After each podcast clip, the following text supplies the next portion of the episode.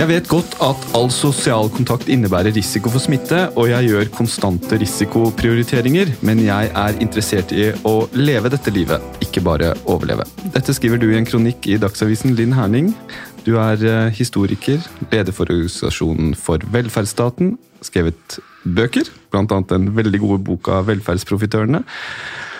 Og du er også nyretransplantert. I dag skal vi snakke med deg om risiko og frykt, men også om sykdomsidentitet. Velkommen. Tusen takk for det.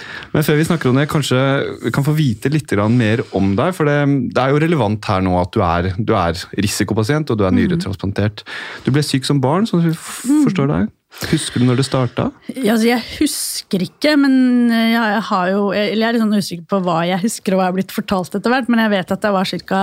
fire år første gang jeg ble sjuk. Og da er det en sånn litt um, Altså, jeg fikk um, Jeg fikk en sykdom som heter Henok Schönleins purpura. Uh, som jo på det tidspunktet sånn som jeg forstod det, ikke var så veldig kjent. Men uh, jeg ble i hvert fall lagt inn første gang jeg var sånn fire-fem år. Eh, og det, Da sa de at eh, det er en sykdom som er en engangssykdom, som barnesykdom. og så Når du har hatt den i to uker, så er det ferdig. Mm. Men jeg fikk jo den da flere ganger opp igjennom. Og så eh, sommeren da jeg var, da var jeg ni, så ble jeg veldig dårlig. Og gradvis dårligere og dårligere. Og så de, skjønte de ikke helt hva det var. Så ble jeg så dårlig at det ble lagt inn, og de trodde det var hjernehinnebetennelse. Altså masse forskjellige greier. Så jeg lå inne veldig lenge før de skjønte at det var den sykdommen som da hadde angrepet nyrene. Uh, og da fikk jeg masse forskjellig Prøvde de cellegiftsbehandling og, og masse sånn. Da var jeg virkelig, virkelig, virkelig syk. Eh, og så endte det da med en, en nyretransplantasjon. Eh, jeg fikk en nyre fra faren min Mm. i mars da, 93. Så, så, da Så jeg har på en måte hatt, vært nyretransplantert hva skal jeg si, hele det livet jeg husker, da, fra jeg var ni. Mm. Um, og, så, og det har funka. Altså, det har gått så bra. Vi kan sikkert snakke mer om det etterpå. Men eh, en transplantert nyre varer jo veldig sjelden et helt liv. Eh, så for noen år siden så begynte jeg gradvis den å fungere dårligere, da. Så jeg hatt sånn over flere år de siste åra blitt dårligere og dårligere, og skjønte jo etter hvert at det gikk mot en transplantasjon. Bare for å ta det, mm. Merker du da at du blir dårligere, eller det, blir det tatt For du går jo jevnlig til kontroller mm. på Rikshospitalet, sånn mm. som jeg forstår det. Mm. Blir det plukket opp på blodprøver, eller merker du at du blir dårlig selv? Ja, altså Det er jo det som er litt spesielt med nyresvikt. da, er at eh, du kan ha, Det er veldig varierende når du merker det, og det du merker er utslitt. Ja. Det er det vanligste symptomet. Og det å vite liksom, hvorfor er man utslitt. Og da hadde jeg også fått barn, eh, så hva er man utslitt av? Så det tok ganske lang tid før jeg på en måte skjønte at ok, dette, dette er nå, nå, er det virkelig sånn at eh, det er ikke bare det at jeg er litt sliten fordi livet er litt slitsomt innimellom. Mm. Um, og så uh, fikk jeg da um, i fjor, nei, for, sommeren for to år siden så ble jeg da satt på sånn listetransplantasjon. og Da hadde jeg vært gjennom uh, utredninger i familien og sånn, for å jeg hadde en donor. og det, det, det, var ingen som var match i min familie den gangen. Så da fikk jeg, da sto jeg på sånn venteliste for, på organ, uh, og var kjempeheldig. Det gikk veldig fort. Så høsten da, ikke i fjor, men ja, for snart halvannet år siden, så fikk jeg da min andre nytransplantasjon. Midt under korona. Midt under korona. Fordi, litt for lytterne våre, hva innebærer det sånn i hverdagen å være nyretransplantert? Hva, hva må du gjøre? Nei, altså Det du må gjøre, er at du må ta medisinene dine. Det er egentlig det. Altså, nå, det kommer selvfølgelig an på hvor godt det fungerer, da. Men både første og andre gangen for meg så har det fungert veldig bra. Så det du må gjøre i hverdagen, er å ta medisiner. Morgen og kveld. Uh, og så må du gå til jevnlige kontroller uh, på Rikshospitalet. Jeg har vært der i dag. Mm. jeg har vært og tatt blodprøver på Rikshospitalet i dag.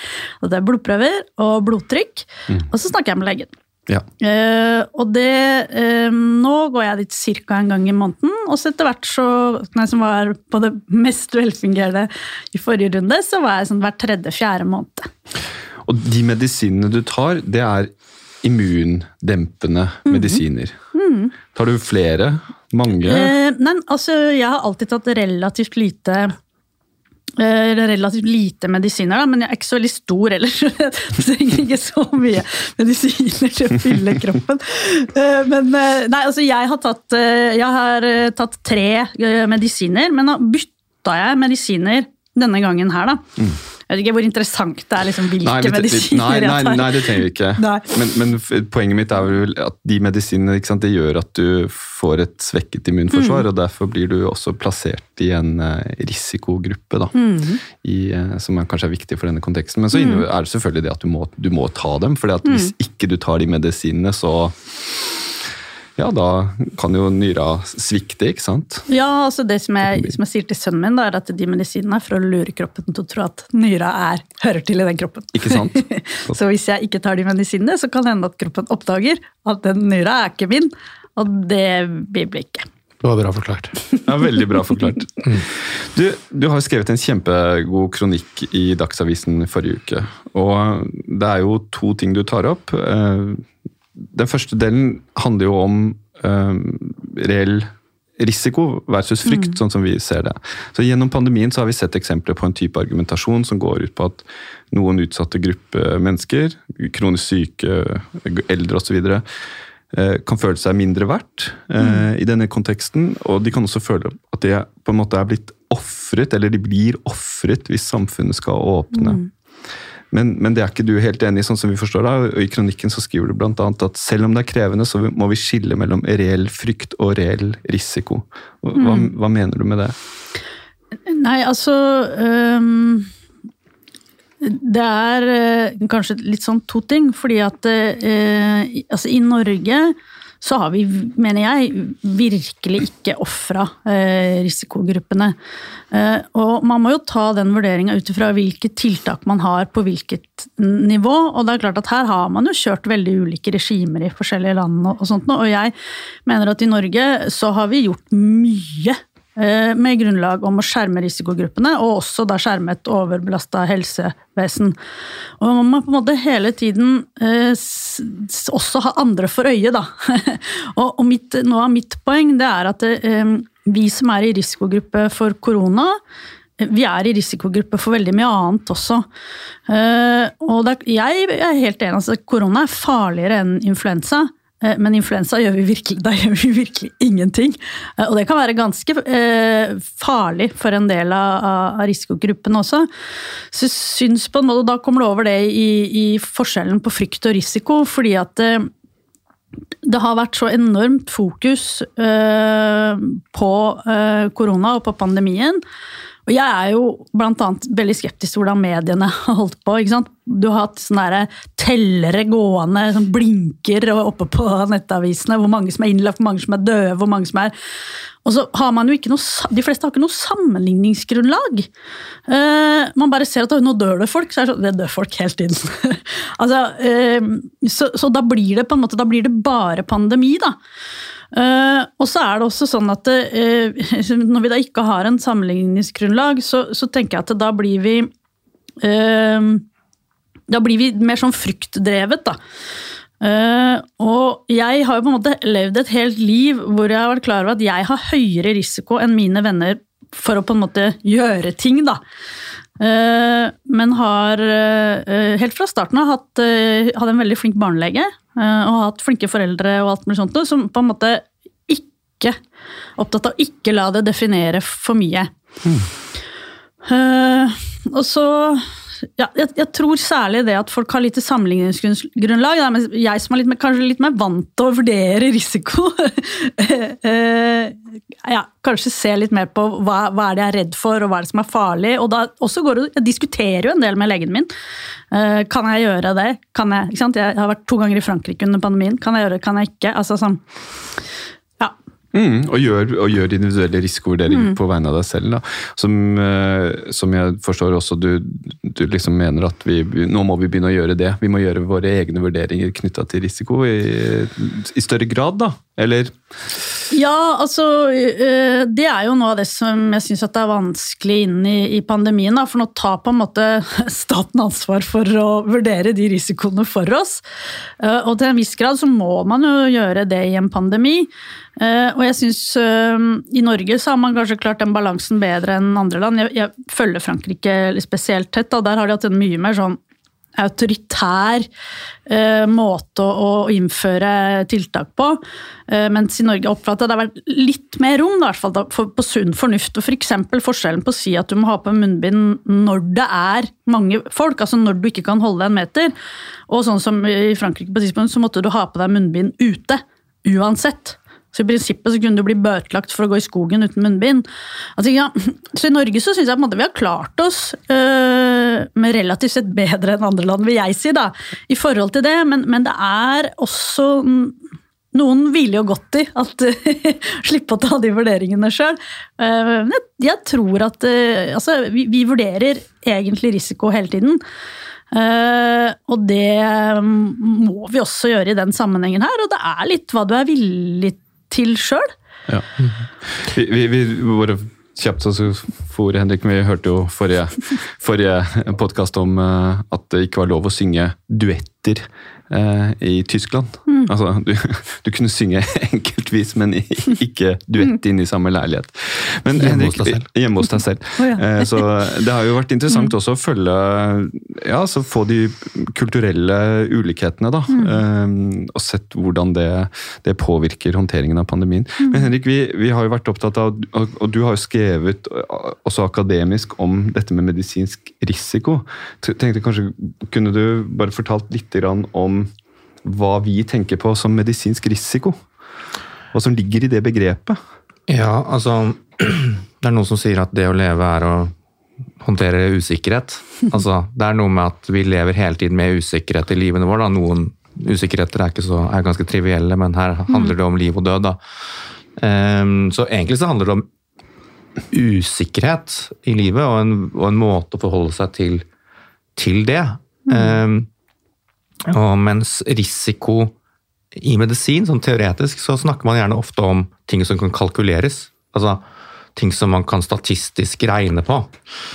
Selv om mange, mm. mennesker, altså mange mennesker forstår det litt annerledes altså, som noe mer generelt. Altså usikkerhet generelt, eller fare mer generelt. Men i medisin så er det ofte Unnskyld. At at man, at man kan regne på det statistisk. og den tankegangen er faktisk Nå er den overalt, og liksom i pandemien så er den jo hele tiden risiko, mm. risiko, risiko. Og vi liksom, Risikosamfunn har vi liksom tenkt spesielt siden 90-tallet. Men den, den, type tankegang har ikke alltid vært der i medisin. Den har kommet mer og mer, og i samfunnet har den heller ikke vært der hele tiden. Så For 100 år siden så ville ikke folk, folk forholdt seg dette, til dette på samme måte. Den kom egentlig inn i medisinen via forsikringsbransjen. Det er der den begynner. Så de som hadde peiling på det, var primært forsikringsselskaper. Eh, og så kom den inn i medisin som en måte, spesielt da i forebyggende medisin. så at Smittevernet vårt er jo liksom litt, på en måte en form for Vi forsøker hele tiden å forebygge ting, forebygge ting inn i fremtiden. Forholde oss til farer som ikke er her nå, akkurat nå, men som kan komme. Og Det gir en masse dilemmaer. Det er vanskelig, det, det kan godt fylle ganske store deler av livet vårt å forsøke å håndtere all den usikkerheten hele tiden. Mm. Um, så det er, det, er en, det er, en, eh, måte å summere opp det kanskje på. Men, en, men ut fra det dere snakket om nå nettopp, også, og du skriver jo i, i uh, kronikken din, så, så, setter du jo tydelig opp et, en, det du oppfatter som en, en, en forskjell mellom re, det du kaller den reelle risikoen og frykt. Mm. Og Det er klart at det er vanskelig å skille helt, men, men bare for din del, altså, mm. som med den type tilstand du har, mm. i den type eh, alder og kjønn du har, hva, mm. hva, hva tenker du på som Uh, som den reelle risikoen, og hva er frykt? I, i den diskursen vi er, liksom, for det er noen mm. som snakker om at ikke sant, de, At de ofres sånn at de kan dø mm. nærmest pga. Mm. Uh, på grunn av at tiltakene lettes og sånn. Så, så, i den sammenhengen, hva, hva, ser, hva, hvordan, hva, er den reelle faren eller risikoen mm. for deg, og hva, er, hva vil være frykt? Ja, altså, jeg skrev jo den, det innlegget som et svar på en annen, og en av de tingene som, som jeg reagerte på da, var jo nettopp at hun, hun brukte død, da. Altså, hun hadde en sånn formulering om at uh, jeg gidder ikke å dø for at du skal drikke øl. Og det var en spissformulering, og, hun er ikke her nå, men, men, jeg reagerte veldig på det fordi at øh, sånn som jeg forstår det, så er det øh, Det er klart at øh, vi som har eh, immunsuppresjon, har en høyere sannsynlighet for å dø av korona enn jevnaldrende. Det, det er på en måte helt Det er ganske tydelig, og nyretransplanterte, som jeg oppfatter at begge vi to da Hun skrev på vegne av Landsforeninga for nyresyke og transplanterte, eller ikke på vegne av, men hun var medlem der. Eh, så, så derfor så regna jeg med at vi hadde noe tilsvarende risikobilde. Da. Det er, eh, sånn som jeg har forstått det, så nyresyke og nyretransplanterte er spesielt utsatt. Mm. Um, og det er ikke helt klart, ikke sant? fordi det virker som jeg er litt mer utsatt enn levertransplanterte. og så vet man ikke helt hvorfor. Altså, jeg har jo da snakka, En av de som er, legene som jeg går til på Rikshospitalet, jeg driver jo et forskningsprosjekt på vaksiner og korona på nyre. Og, så jeg har fått ganske mye input om dette. Mm. Men, men det, det, de hele tiden sier, det er at det er jo mye farligere å være gammel enn å være nytransplantert. Ja, det er, det er viktig. Så det er klart at Hvis du er gammel og nyretransplantert, så er det kjempefarlig. Mm. Uh, men, men, jeg er ikke så gammel. Nei, det ser vi. Og det Nei, jeg blir 39 år, jeg kan være ærlig om det, sånn at alle som hører oss, altså, ikke ser meg. ja. og, og, hun som skrev den kronik, andre kronikken, var også uh, Jeg tror hun var yngre enn meg, da. Og så er det klart at um, hvis man har tilleggs, alle mulige tilleggsting Det er jo en slags sånn jo flere risikoer du har, jo, jo verre er det. Uh, og det har jo vært det var et oppslag for ikke så lenge siden om en som hadde uh, nyreproblemer og hjerteproblemer og diabetes. Uh, og altså Det er klart at det, Så jeg har på en måte tenkt at for, for min del Jeg har ikke vært redd for å dø. Mm. Hvorfor ikke? Uh, nei, fordi at uh, jeg har, sånn som jeg oppfatter så er det veldig lite sannsynlig at jeg skal dø av korona. Ja, det er jo veldig få som har dødd i den aldersgruppen du er i, ja. uansett. Og i den aldersgruppen mm. så finner man jo en del som er såpass uh, utsatt som det du f.eks. er. Og du, som du sier, du er jo i en gruppe som for din alder, mm. så sannsynligvis er det ikke så veldig mange flere som er, er mer forholdsmessig, da, i, i forhold mm. til alder, så mye mer utsatt mm. enn det, det, du er. Men, men like fullt så er Jeg vet faktisk ikke hvor mange ganger høyere risikoen er enn gjennomsnittspasienten sittidspasienten enkelttransplantert, men, men, det vil nok være en god del ganger høyere. Eh, men like fullt så er det ikke så, så er det ikke så høyt, da. Nei, og så er det også øh, Og så har jeg heller ikke Jeg har ikke noen tilleggsgreier, da. Altså, så jeg har tenkt at jeg er øh, Jeg fungerer Altså, jeg er ved god helse bortsett fra transplantasjonen, da. Man, mm. man, kan ha andre Jeg har ikke noe særlig mange andre, og så er jeg relativt øh, ung. Og så mener jeg jo også at det, vi må også ta høyde for at korona eh, har jo endra seg. Eh, både selve eh, viruset altså det, det er, virker som det er ganske tydelig nå at, at omikronviruset virker mindre farlig. Og da må vi faktisk forholde oss til det. Også, vi, har ikke helt, vi har ikke noe forskning på nyretransplantert altså det, det går jo ikke så fort, men det er ingen ting ut fra det jeg har sett, som indikerer at, at, det fortsatt er like farlig for nytransplanterte, men mye mindre farlig for alle andre. Mm. Ja, og det, det også gå inn i det med, med risiko og sånn hva, hva, er, fordi nå har vi, vi, har, vi har jo blitt skremt, ikke sant? Mm. I, I, to år så har vi jo blitt skremt. Ja. Aktivt skremt. Uh, og det har kanskje vært bra uh, at vi har blitt litt skremt, men da må vi også ta veien ut av den frykten. Da. Og for mange tror jeg det kan være vanskelig. Mm. Og da må man liksom uh, som, som mine argumenter Det er ikke sikkert at jeg har argumentert helt likt jeg har også hatt perioder hvor jeg har isolert meg mer, vært mer redd, men nå har jeg liksom tenkt at ok, men nå er, eh, nå er mange vaksinerte. Nå er det eh, Det er, uh, virker som om omikron er mindre farlig, og så har vi også fått behandling. Mm. Altså, vi har fått mye bedre behandling. Og det tenker jeg at det må man også ta med, da. Mm. Så, så, jeg tenker nå jeg, Hvis jeg skal gjøre min personlige vurdering av min reelle risiko, mm. så tror jeg jeg kommer til å bli sykere enn mine venner. Uh, men jeg tror, uh, jeg tror ikke jeg blir så syk at jeg må legges inn på sykehus. Uh, jeg tror at jeg var en skikkelig influensa. Mm. så er det klart, det kan jeg jo ikke vite, ikke sant? Men det er sånn som jeg vurderer det, og da føler jeg at vi kan ikke stenge ned et samfunn for at jeg får influensa. Eller litt alvorlig influensa, eller kanskje til og med må på sykehus. Og det er på en måte Fordi at det som jeg også har reagert på, det er at når man øh, Noen som er i risikogruppen, ser bare sin egen risiko. Ja, det er akkurat det. ikke sant? Og det, det, det, det, det skriver du også. ikke sant? Mange har ofret mye lenge for å verne risikogrupper og avlaste helsevesenet. Så du setter jo din egen risiko, og for så vidt andre i din situasjon, opp mot, noe, opp mot samfunnet ellers òg, da. Men hvordan, bare for å ta litt grann, eh, altså, En del har brukt det solidaritetsbegrepet. eh, Også aktivt for å legitimere tiltak. Hva, hvordan tenker du om det? Har du, har du tenkt på det? at Eh, ja, altså Men det, har- jeg men, det er det jeg mener. Jeg mener at vi har gjort det til veldig stor grad. Så har vi prioritert risikogrupper for korona. Og så er det risikogrupper for andre ting. La oss si psykiske lidelser, f.eks. Uh, hva med uh, de som nå ikke oppsøker I hvert fall i starten av pandemien så var det jo veldig mange som ikke oppsøkte helsevesenet pga. andre helseproblemer. Underdiagnostisering av kreft. Altså det er det er mange andre ting man fortsatt kan dø av enn korona. Eh, og så tenker jeg at det mm, eh, Det som er eh, en god målestokk også, det er jo at hvis sykehusene er helt overbelasta, det er jeg redd for.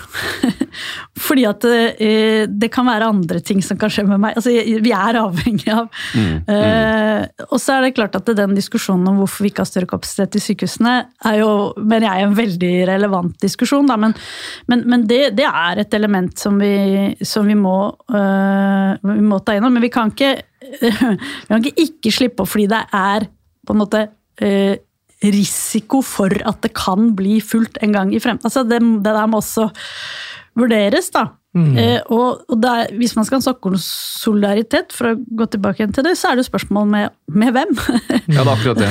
Ja, jeg har jo vært bekymret, det må jeg bare si. Sånn, og det, det er litt vanskelig dette her, fordi at det er veldig lett å telle sykehussenger, det er veldig lett å telle innlagte, veldig mm. enkelt å telle dødelighet av korona osv. Men jeg er fastlege for mange kronisk syke, eh, eldre, alvorlig psykiatrisk sykdom, ruspasienter. Og for mange har blitt mye dårligere i denne pandemien, og de vil komme til å, det kommer til å prege dem i lang tid. Det tenker jeg. Ensomme eldre som på en måte har fått trukket det sosiale nettverket eh, bort, eh, og som er blitt betydelig dårligere. ikke sant? Eh, og jeg har vært, jeg har vært bekymret Jeg er, er jo bekymret for det. De, til, de telles også inn i den solidaritetstanken. Men det har jo vært en slags trumf da, i, med korona. at jeg, Den stemmen har jo egentlig nesten ikke blitt eller vi- Det er ikke tatt opp så mye engang. Mm. ikke, Du har jo fulgt debatten veldig nøye, Henrik. Har du sett noen liksom, som, som skriver om, om, om, om den type bekymring? Ja, det har jo vært, har jo vært inne. Det har jo vært noen VG-oppslag f.eks. Eh, om, eh, om hvordan, eh, hvordan tiltak og, og, og overreaksjoner i psykisk helsevern f.eks.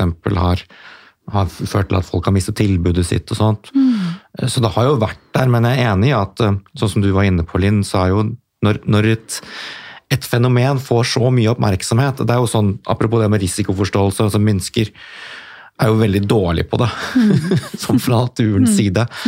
Uh, og vi, vi, uh, vi eh, blir veldig redd for eller bekymret for, eller liksom er villige til å ta mye mm, tiltak mot noe som vi har i bevisstheten vår, og når noe hele tiden kjøres i media, så blir liksom den tingen eksepsjonelt for oss. Mm.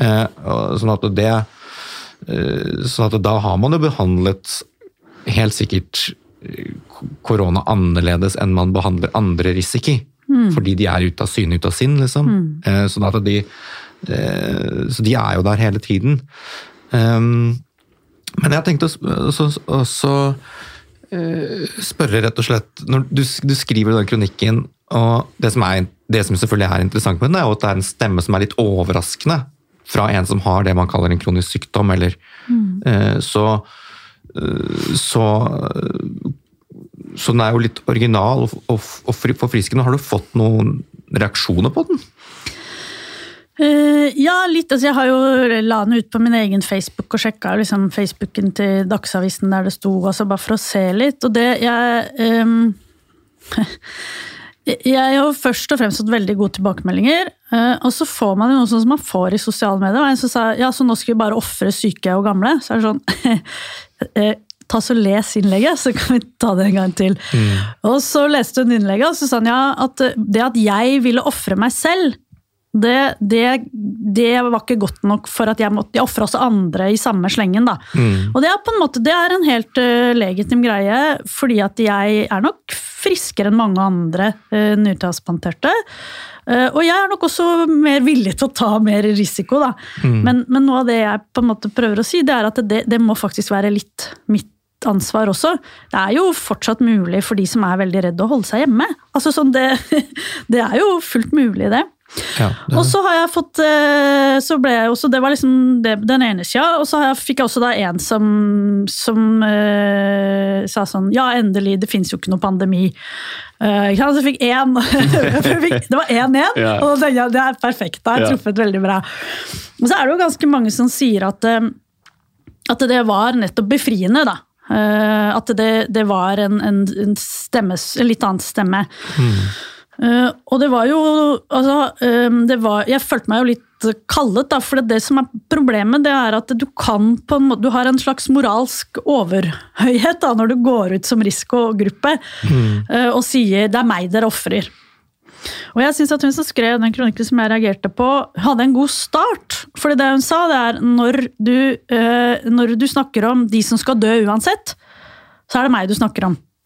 Og inn i, inn i en diskusjon hvor noen har en sånn eh, Det er ikke noe pandemi, det er bare de syke og svakelige som dør uansett. Så syns jeg det, en det er fint at noen gir eh, ansikt til de som bare skal dø uansett. Eh, så, så det tenkte jeg var en bra del av det. Men eh, så tenker jeg det er bare da jeg som er i en eller annen slags tilsvarende gruppe, som kan si ja, men jeg vurderer situasjonen annerledes enn deg. Det var på en måte mitt poeng, er at selv om du er i risikogruppe, og jeg tror jeg skrev det også, at vi som er i risikogruppe ser jo ikke likt på livet. Og jeg, jeg tror også at hvis jeg hadde vært gammel, så kan det godt hende at jeg heller hadde ønska å levd to måneder og sett mine eh, barnebarn og mine nærme og mine alle sånt noe, enn å leve et år i aleine isolasjon. Og jeg er ikke sikker på hvor mange så det, er, det er så veldig mange som ikke har fått valg, da. I, Fått lov til å velge i ekstremt viktige faser av livet sitt. Ikke sant? Um, og jeg har jo vært da på Rikshospitalet flere ganger i løpet av pandemien, Uh, og jeg uh, visste jo på en måte litt hva jeg gikk til. Men det er, veldig, det er ikke så mange som blir lagt inn på sykehuset som gjør det. Og det var ganske begrensa med besøk vi fikk ha. og altså, uh, det, det er på en måte det er veldig mange ting, da, og det er det jeg er også skeptisk til en sånn generell tendens med kvantifisering. Da, at alt som kan telles, er det på en måte det eneste som, som betyr noe. Eh, Og det er derfor sånn her, eh, jeg vil ikke bare overleve, jeg vil leve. Eh, Og, inn i det så er det klart at for meg Jeg har vært ute og spist middag flere ganger siden de åpna for alkoholservering. Og det er ikke nødvendigvis alkoholservering til eller fra, men da åpna restaurantene. og ute og spise middag. Eh, og, og for meg så er det sånn jeg går til og fra, prøver ikke å ta kollektivtransport. Eh, Men jeg vil heller på en måte unngå trikken og gå i 45 minutter for å møte vennene mine og være med de ute. Fordi vi har vært så mye hjemme, jeg ble gal av det. Det, er jo veldig interessant det du sier. Det er jo et, det er jo et prinsipp og for så vidt et ideal da, i, i moderne medisin å overføre en del av beslutningen på pasienten med informert samtykke. ikke sant? Og der, det ligger jo da, der, da skal man jo gjøre individuelle risikovurderinger. Det gjøres jo hele, hele veien. Og det er jo, det som er vanskelig med det, er jo som Henrik er inne på, vi, vi skjønner jo risiko dårlig. Både helsepersonell og pasienter ses det i hvert fall i studier er, er, det er vanskelig å skjønne hva det betyr, for det er jo noe som skal skje inn i fremtiden. ikke sant? Og det er, det er liksom et abstrakt eh, Det er noe abstrakt over det hele. Og det vil nok være sånn det viser både studier og min erfaring at man vurderer risiko utrolig ulikt. Og veldig mange det er i hvert fall min erfaring, ønsker jo egentlig ikke å ta det ansvaret heller. Og sier, en- etter på en måte sånn lang greie fra meg, og sånn og sånn, og dette og dette, ikke sant, og tallene og sånn, så sier du sånn, men hva, hva ville du gjort? Eller hva ville du rådet moren din til å gjøre? ikke sant? Som, som kontrer med det. Så det er jo noe med at mange syns det er veldig ubehagelig. Eh, og og, og det, kan, det kan jeg forstå. Eh, Samtidig som jeg tenker at den måten du gjør det på, å gå inn i det og virkelig ha satt deg inn i saken, er jo eh, en, en veldig fin måte å gjøre det på, og, og bør jo være et slags ideal, da. Og så er det noen som kanskje ikke forstår det, men jeg tenker legenes rolle og etter hvert medisinens rolle må være å, å, å, å på en måte skape gode nok forutsetninger til at man kan ta egne gode valg på vegne av seg selv. Da. Ja, og så, og så tenker jeg at øh, det øh, øh, En ting er hvis man ikke vil ta det, men hva med oss som vil ta det? og det har noe, noe av problemet i pandemien. Ting har vært forbudt. og det er, det er jo noe annet enn at ting er øh, et råd fra en lege eller sånn type ting. Så det er klart at når ting faktisk er forbudt, så er det noe helt annet enn at det er eh, et råd fra noen. Da. Og det tenker jeg at inn i pandemien så, så er det ganske viktig at vi har faktisk gått inn med, med forbud da, som er, har vært veldig inngripende. Eh, og jeg mener at det har vært helt riktig å ha på en måte eh, omfattende grep og sånn. Jeg, skal, jeg vet ikke akkurat, det er ikke opp til meg å vurdere akkurat, liksom, men, men det, mitt poeng er ikke at vi bare skal ha sluppet alt løs og ikke Altså virkelig ikke, da. Eh, Men, men vi må ta på alvor hva vi, hva vi har gjort, da.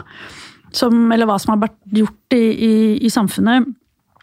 Og man har virkelig, virkelig fratatt folk eh, valg. Eh, og det er på en måte også noe annet enn å pålegge folk valg, da. Eller? Absolutt. Så ja. Men du er jo, sånn som vi har forstått det, orientert mot, mot den politiske venstresiden. Eh, og sånn, spesielt på verdensbasis og i USA altså, så har det jo vært et veldig politisert syn på, eh, på, på pandemien, eh, eller i pandemien. Og eh, der det har vært tydelig liksom at den venstresiden, og kanskje spesielt måte det, det som man kanskje kan kalle den identitets, identitetspolitiske venstresiden i USA, den liberale fløyen, da, har vært mye mer bekymret og opptatt av smittevern enn den konservative eller republikanske, som har liksom gått helt i andre Dette er et ytterpunkt, da, men dette finner man igjen store deler av verden. Heldigvis, vil jeg si, mye mindre i Norge. Men når du gjør dette her, er det også jeg skriver denne kronikken, er det også et element av at du lager en sånn slags grenseoppgang, ikke bare øh, for, øh, i debatten, men også liksom politisk? At du har en stemme som sier hvor grensene må gå på den måten? Altså, jeg tenkte ikke så mye på det denne gangen, men jeg, jeg eh, sa jo ja til et intervju med Klassekampen også ganske tidlig i pandemien, da, også litt sånn på vegne av risikogruppene. Eh, og det er, det, er, det er to ting, tror jeg. Det ene er å, å, at ikke at eh, vi, det må være flere stemmer blant risikogruppene. Det må ikke bare, bare være de mest redde som dominerer. Da. Det, det er jeg litt opptatt av. Og det tenker jeg er ganske upolitisk. Og så uh, har nok jeg en uh, en, en større skepsis til statlig inngripen enn en del på, på den politiske venstresiden. Jeg, jeg er veldig for statlig inngripen i økonomi og sånt. Jeg er mye mer skeptisk på, på private ting. Da jeg hadde en runde om eh, redningsvestpåbud for noen år siden, som jeg også er veldig skeptisk til. Fordi jeg er veldig glad i å kjøre båt. Eh, og Eh, og det ligner på en måte litt grann da, i sånn risikovurdering. For da skulle det være påbud, eh, og det er det jo nå, påbud om å ha på redningsvest når båten er i bevegelse. Mm. og det syns jeg er helt overdrevet. Og da brukte man litt sånn samme retorikken, hvis vi kan redde ett liv. Og så er det sånn, ja men eh, hvis vi kan redde ett liv, da kan vi bare, altså da er det så mye vi bare kan glemme. Hvis det er målestokken. Eh, og så gikk jeg da liksom litt inn i statistikken. Hvem er det som drukner? Er, hvilke tilfeller vil redningsvest faktisk Det er litt sånn samme tematikken, da.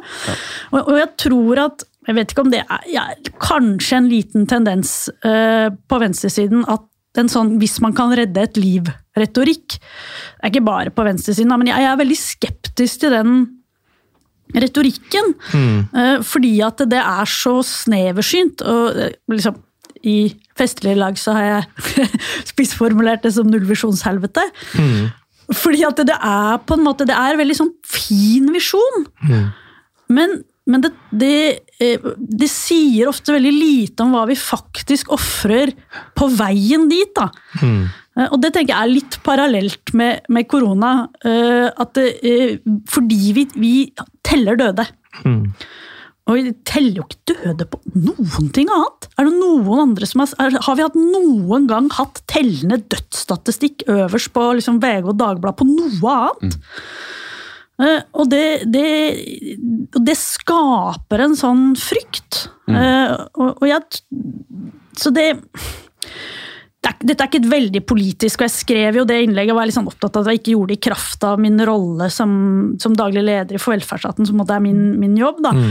Eh, fordi at det er sikkert forskjellige eh, tanker om dette her der og sånn. Det var som noe jeg gjorde som, som, som privatperson. Men, men man skiller jo ikke helt. altså Jeg er jo tenkende individ uansett hvilken okay. hatt, man tar på seg, liksom.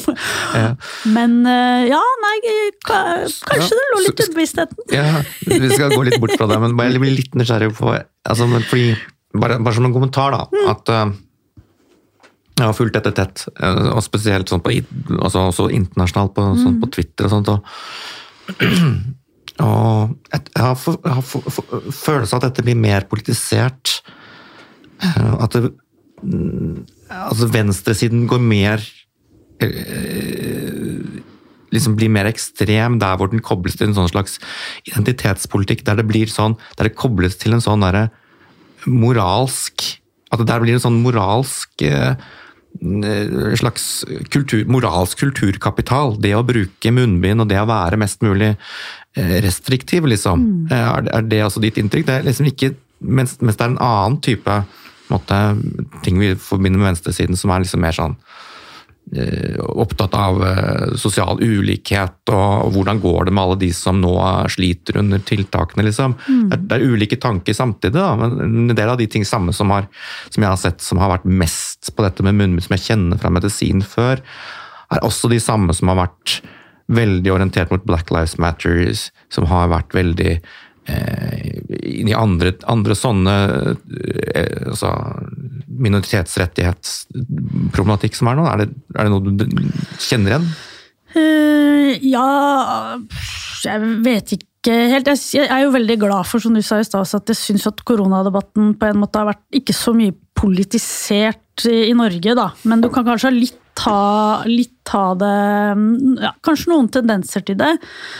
Men og jeg tror nok det var noe av grunnen også at jeg følte meg veldig kallet da, til å gå til å svare på, på det som var. Fordi det, det er det der med å mm, Du bruker en posisjon som risikogruppe f- og setter deg i en posisjon hvor det nesten er umulig å si imot. Da. Og det er en slags sånn moralsk overhøyhet, og man kan kalle det en slags sånn offerposisjon, eller Ja. altså den typen. Og det, det kan ligne eh, litt og, og Nå har vi ikke kommet så mye med det med Nei. sykdomsidentitet, ikke sant? Jeg Tenkte vi skulle over på det nå når dere er ferdig med politikken. da kan vi ha glidende overgang til det. Ja. Nei, men, men fordi at det også eh, Fordi du gjør deg litt så Jeg opplever at det hun som skrev det, gjorde seg litt sånn uangripelig, da. Ja. Eh, Og da er det på en måte bare noen fra samme posisjon som kan gå inn i en diskusjon. Ja, Og for så er du litt slem. ja, ikke sant? Fordi at det hun, hun, hun setter jo på en måte opp det, ikke sant? At, at det, øh, Men jeg kan dø. Ja. Og du kan ikke på en måte, da, da er det vel vanskelig å gå inn i en reell argumentasjon. da. Eh, Og det reagerte jeg jo veldig på. Om det er spesielt venstreside, det vet jeg ikke. Det er ikke min venstreside, i hvert fall. Nei, nei. Ehm, kjapt, det var vel en italiensk journalist som har skrevet en del om dette fra venstresiden, som har kritisert eh, venstresiden rett og for å ikke gå inn i de klassiske ja, sosiale ulikhetene og, og inn i diskusjonen der. Men vi skal over til det med sykdomsidentitet. fordi at Henrik og jeg har jo vært opptatt av, snakket mange ganger om at vi lever i en kultur som er veldig preget av, eller veldig opptatt av sykdom, helse. Um, og bare for å komme litt tilbake til din historie. Du ble altså nyretransplantert første gang som 9-10-åring, og så nå i voksen alder. Har du merket noe forskjell på måten kanskje ja, særlig medisinen tenker rundt dette på nå? Det er jo litt vanskelig å si, for jeg var jo barn, så det var jo på en måte foreldrene mine som, som tok mange av de avgjørelsene for meg som barn. Men, men i, i, på en måte fortellingen vår, da, sånn som den har blitt om dette her, så er det to sånne på en måte merketing. Det ene det var jeg ble da transplantert eh, rett før påske. Eh, og når man er ni år så, og har vært veldig syk og fått, hatt veldig mye sånn diettrestriksjoner, så er jo drømmen om et påskeegg ganske, det, er, det er noe viktig i livet. Og da hadde jeg fått veldig sånn beskjed om at jeg skulle ha, ikke ha, spise mye sukker. Eh, og da spurte foreldrene mine spurt om men kan hun få påskeegg. Og da hadde liksom legen der ledd litt og sagt det er klart hun kan få påskeegg, men ikke ti. Ikke sant? Nei, ja, ikke men sant. altså, og, Ja, ja, og, og det er mm. det der, og det går inn på at det, det, her er det en risiko. Det er en grense. Du, dette må dere tenke på. Mm. Men det er klart hun kan få et påskeegg. Ikke sant? Og jeg har, eh, jeg har en storebror og en lillesøster, Mm. så, så det på en måte, hvis jeg ikke skulle få påskeegg altså det er, det, det, er jo livsødeleggende der og da for en niåring. ikke sant? Veldig sånn akutt. Eh, og det tenker jeg, og det var samme at jeg var veldig glad i å spille fotball. Mest opptatt av å komme tilbake igjen på banen. Og så var det da jeg var operert i, ja, i mars, og så var det en cup som jeg tror var i mai, eller sånn, sånt nå, og da var det sånn Kan hun være med på fotballcup? Hva er? Hva er risikoen? Så er det, sånn, det, det som er farlig, er at hun kan få ball i magen. Fordi såret er ikke helt altså, Da hadde de jo splitta hele magen min. Jeg hadde jo eh, 38 sting på liksom rett over eh, magen, fra hørt på brystet og helt ned. Så svært der. Og så dro jeg da på cup eh, med eh, Og så ble jeg med noen venner, og skulle foreldrene mine komme etterpå. Så eh, når de kom, så var jeg da i sykebil, for jeg hadde fått en ball i magen. Og jeg fikk, en, altså jeg fikk en ball i magen, men det gikk helt fint. Det var ikke, det var ikke et problem. Så det, det, liksom, det var det verste som kunne skje. Og det kan, kanskje har blitt, blitt litt større. Altså jeg vet ikke, Men det var ikke noe krise. Og jeg var jo det lykkeligste barnet der jeg satt i den sykebilen når foreldrene mine kom. Ja, så så, så da, da hadde vi da, da Både min barnelege øh, og mine foreldre var veldig opptatt av å normalisere livet så fort som mulig. Ikke sant? Men da innenfor liksom det er, er jo, det er hele tiden risikovurderinger som er annerledes for meg da, enn det var for, for andre. Og det har jeg hatt med meg hele tiden. Det var et spørsmål, for jeg studerte, På tidspunkt studerte jeg utviklingsstudier, og da skulle vi ha en, en, en, tu, en studietur, da, et studieopphold. Over flere øh, Vi var vel to måneder i et, et utviklingsland. Sånn, ok, Kan jeg med mine medisiner og min risiko og alt mulig sånt nå, gjøre det? Så jeg er sånn, Ja, det kan du, men du må dra til et, et, et land hvor de har et godt helsevesen. Et, sånn at hvis det skulle skje noe. Og Da er det sånn, da dro jeg til Botswana, og det er sånn, der har de veldig gode private sykehus. Så hvis det skulle være noe, så ville jeg ha kommet dit. Mm. Så, så hele tiden sånn type. Og så har jeg jo på en måte øh, opp igjennom også møtt folk som er veldig overraska over hvordan jeg forholder meg til dette. jeg husker For noen år siden så var jeg på, på festival med en venninne, og så hadde hun med seg en annen venninne som viste seg å være en nyresykepleier. og Hun var helt sånn Har ikke du på klokke for at du skal ta medisinene dine klokka ni? Mm. Jeg er sånn, Nei, jeg tar medisinene jeg legger meg når jeg står opp. Hele veien. Mm.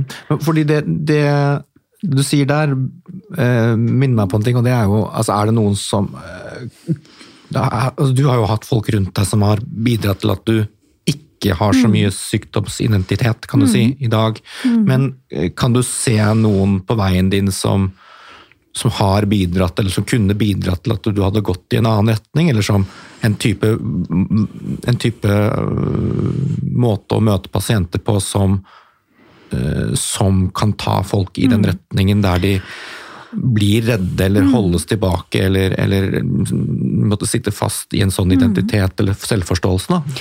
Ja, og det er det som jeg syns var liksom eh, litt sånn overraskende når jeg da ble transplantert andre gangen. Fordi den informasjonen som jeg fikk da, for det første så var det masse i forhold til spiserestriksjoner. Mm. Som jeg aldri hadde hørt om før. Uh, og det som jeg har fått med meg da etter hvert, det var at vi skal være forsiktige med grepfrukt og grepfruktjus og stjernefrukt, for det kan endre effekten av medisinene. Og det tenker jeg det er en sånn reell greie. Men så var det alt det som gravide ikke skal spise. Det var sånn som vi skulle være forsiktige med. Da. Jeg har jo liksom, vært mye i Frankrike, kjempeglad i ost og sånne type ting. Mhm. Og, og, og, det var veldig sånn ja, nei, det måtte du være forsiktig Og da var det, og da var det da var det særlig de som på en måte skulle da gi Vi fikk sånn tjukk informasjonsperm og sånn. Og da er man jo veldig opptatt av å gi liksom alle Og da er det veldig fokus på risiko. Mm.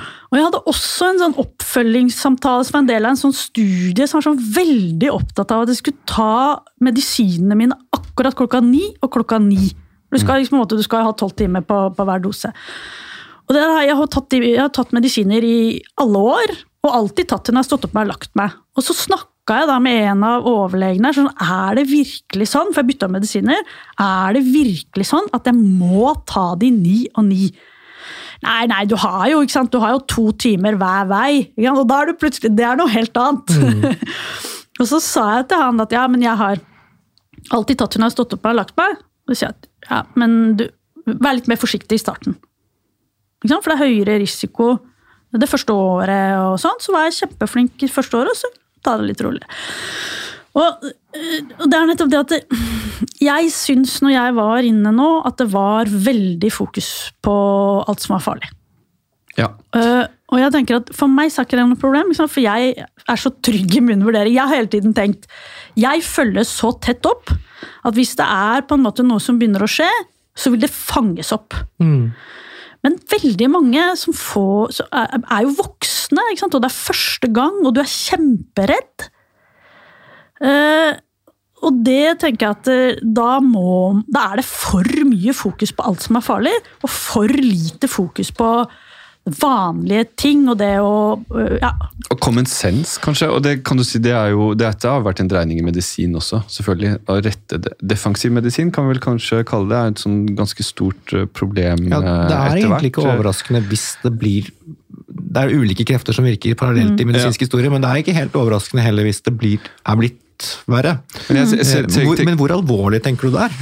Altså, hvor galt kunne det gått?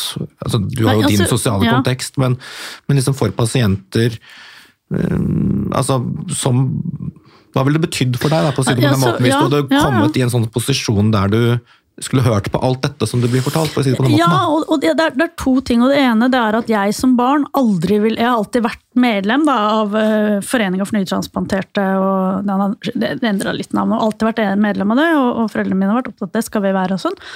Men jeg har aldri villet være på et møte med andre nytransplanterte barn. Det er bare sånn, mm. det er helt uinteressant for meg.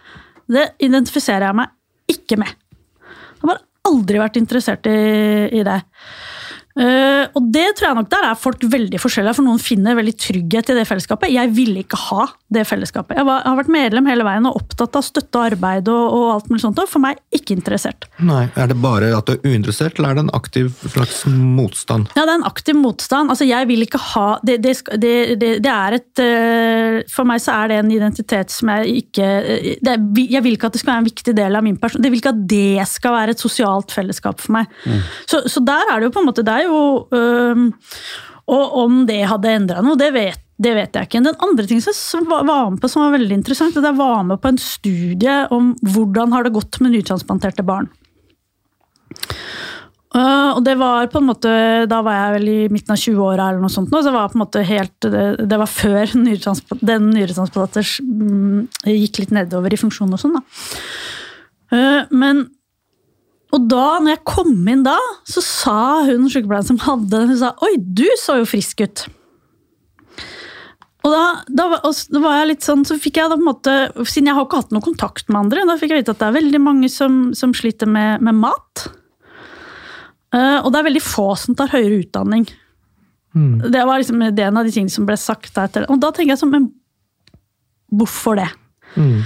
Og jeg Nå har jeg jo barn sjøl, og altså Jeg tror kanskje særlig med sjuke barn, da, at det å gi foreldrene trygghet eh, til at du kan Dette går bra, du kan leve, du kan finne på din, tror jeg er ekstremt viktig.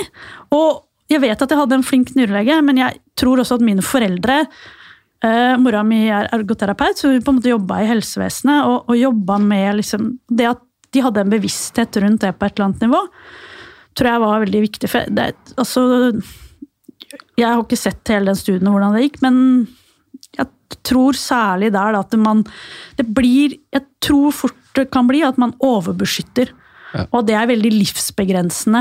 Um, ja. Helt enig. og jeg tenker jo, de, Nå har jeg jobbet som lege i elleve år snart, vel. Og, og det som har skjedd f.eks. i svangerskapsomsorgen, da, som du snakker om nå, eh, orienteringen mot alt som kan gå galt, og det syns jeg bare blir mer og mer. Mens det er jo ingen som har overblikk og sier sånn hva, hva vil det si som gravid å få høre at hele liksom, livssituasjonen din er et kjempestort risikoprosjekt. Det er bare, bare to ord om Eh, om, om, om helse, fra et helsepersonellperspektiv så har vi jo opplever jo jeg at vi orienterer oss mindre og mindre mot funksjon altså, og hel, god helse, og mer og mer mot å være opptatt av dysfunksjon og, og sykdom.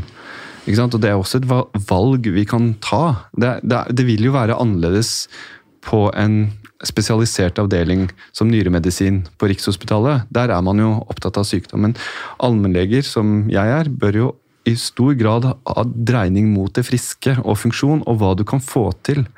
Eh, Jeg har en, eh, faren min var barnekirurg og opererte le- barneleddgiktpasienter. Eh, Han døde for noen år siden, og i, eh, på den tiden så hadde de ikke så godt behandlingstilbud, så de, de ble operert og de bodde på sykehus i lang tid. Og han fungerte på mange måter som, som noe mer enn en lege. da. Men det de sa, og det som de takket han for på en måte i begravelsen, var at han hele tiden hadde fokusert på funksjon.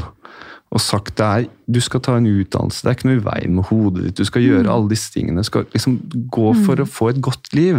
Og det kan jeg av og til tenke at det, det savner jeg. Det perspektivet savner jeg i, i vår tid, da.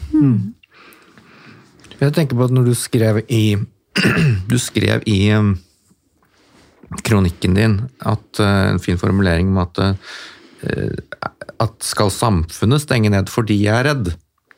Men så tenkte jeg, jeg hadde en sånn mistanke om at det er at dette også motiveres en del av, av spørsmålet skal jeg stenge ned, selv om jeg er redd?